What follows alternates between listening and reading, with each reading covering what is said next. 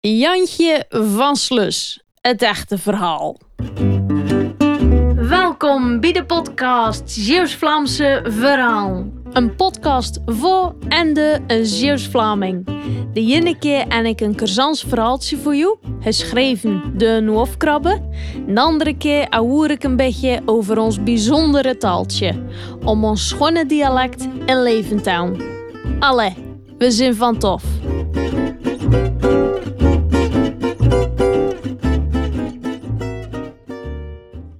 Je hebt er vast wel al een keer van gehoord. Jantje van Slus. Dat mannetje in Belfort op de markt van, jawel, van Slus. En hoe die de held van Slus is geworden, daar gaan veel verschillende verhalen over rond. Maar het echte verhaal, dat is eigenlijk altijd verborgen gebleven. Tot nu. Lustert. Het begon allemaal met de 80-jarige oorlog, je weet het nog wel. Iedereen zag en wat voor belangrijk gebied we er woonden. Maar ja, de schelde vanzelf, dus vielen we er al snel onder staatsgezag.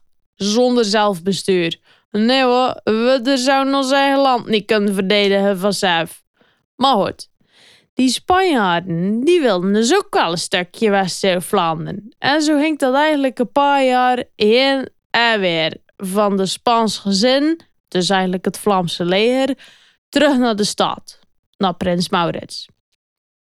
Maar je moet ook wel begrijpen, omdat er zoveel werd gevochten, was er grote armoede en honger. Ook in een rijke stad als Slus. Dus nee, in 1606 hadden ze geen kermessen waar te veel gedronken, hè, volgens sommige verhalen.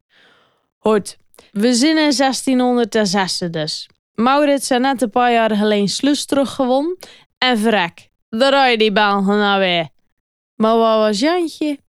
Jantje, dat was toen de klokkensteller van het Belfort. Dat was eigenlijk best wel een aardige gast. Die kon er goed mee lachen. Die was, uh, god ja, wat was die? Ergens in de dertig geloof ik, ik weet het niet meer. Nou, in de bloei van zijn leven eigenlijk. En in zijn leven had die jong alleen nog maar oorlog meegemaakt. En Jantje, oh, die was beug. Beug.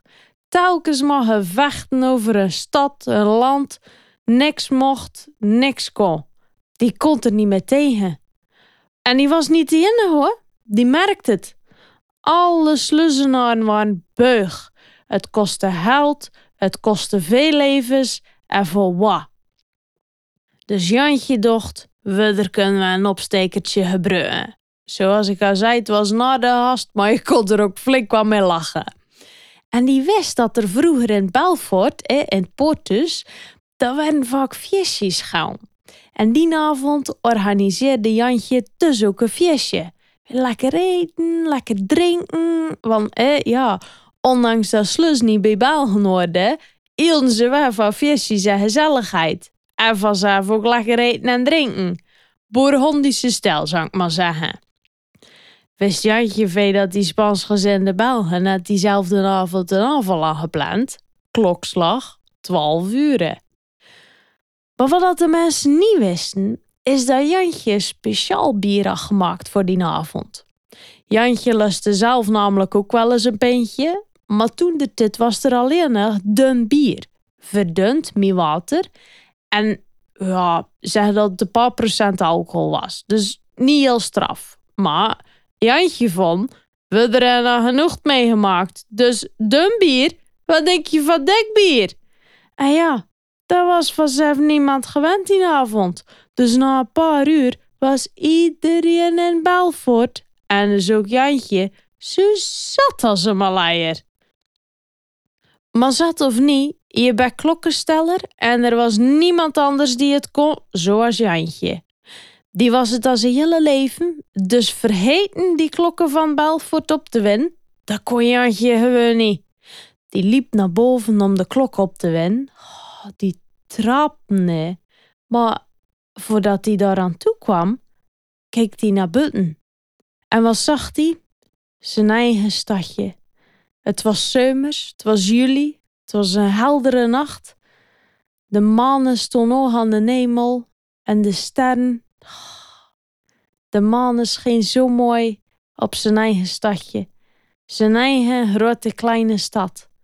waar de mensen vredig lagen te slapen. Je zag de Zuidpoort, de Oostpoort, de Waterpoort, de ruïnes van de Westpoorten, eh, weet wat, de Stinnebeer, en ook de Sint-Janskerk.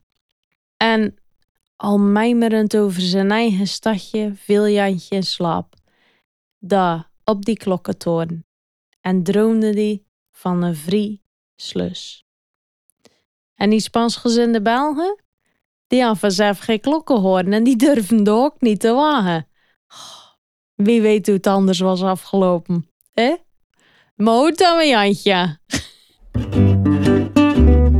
Zo, dat was het weer voor vandaag. Ik hoop dat je weer echt genoten van dit Zeeuws-Vlaamse verhaaltje. Ik zou het leuk vinden dat je even laat weten wat je ervan vond. En abonneren op deze podcast vanzelf ook. Dan krijg je automatisch een berichtje als er weer een nieuw verhaaltje voor je klaar staat. En voor nu, bedankt voor het lusten en eh de naastigheid hè.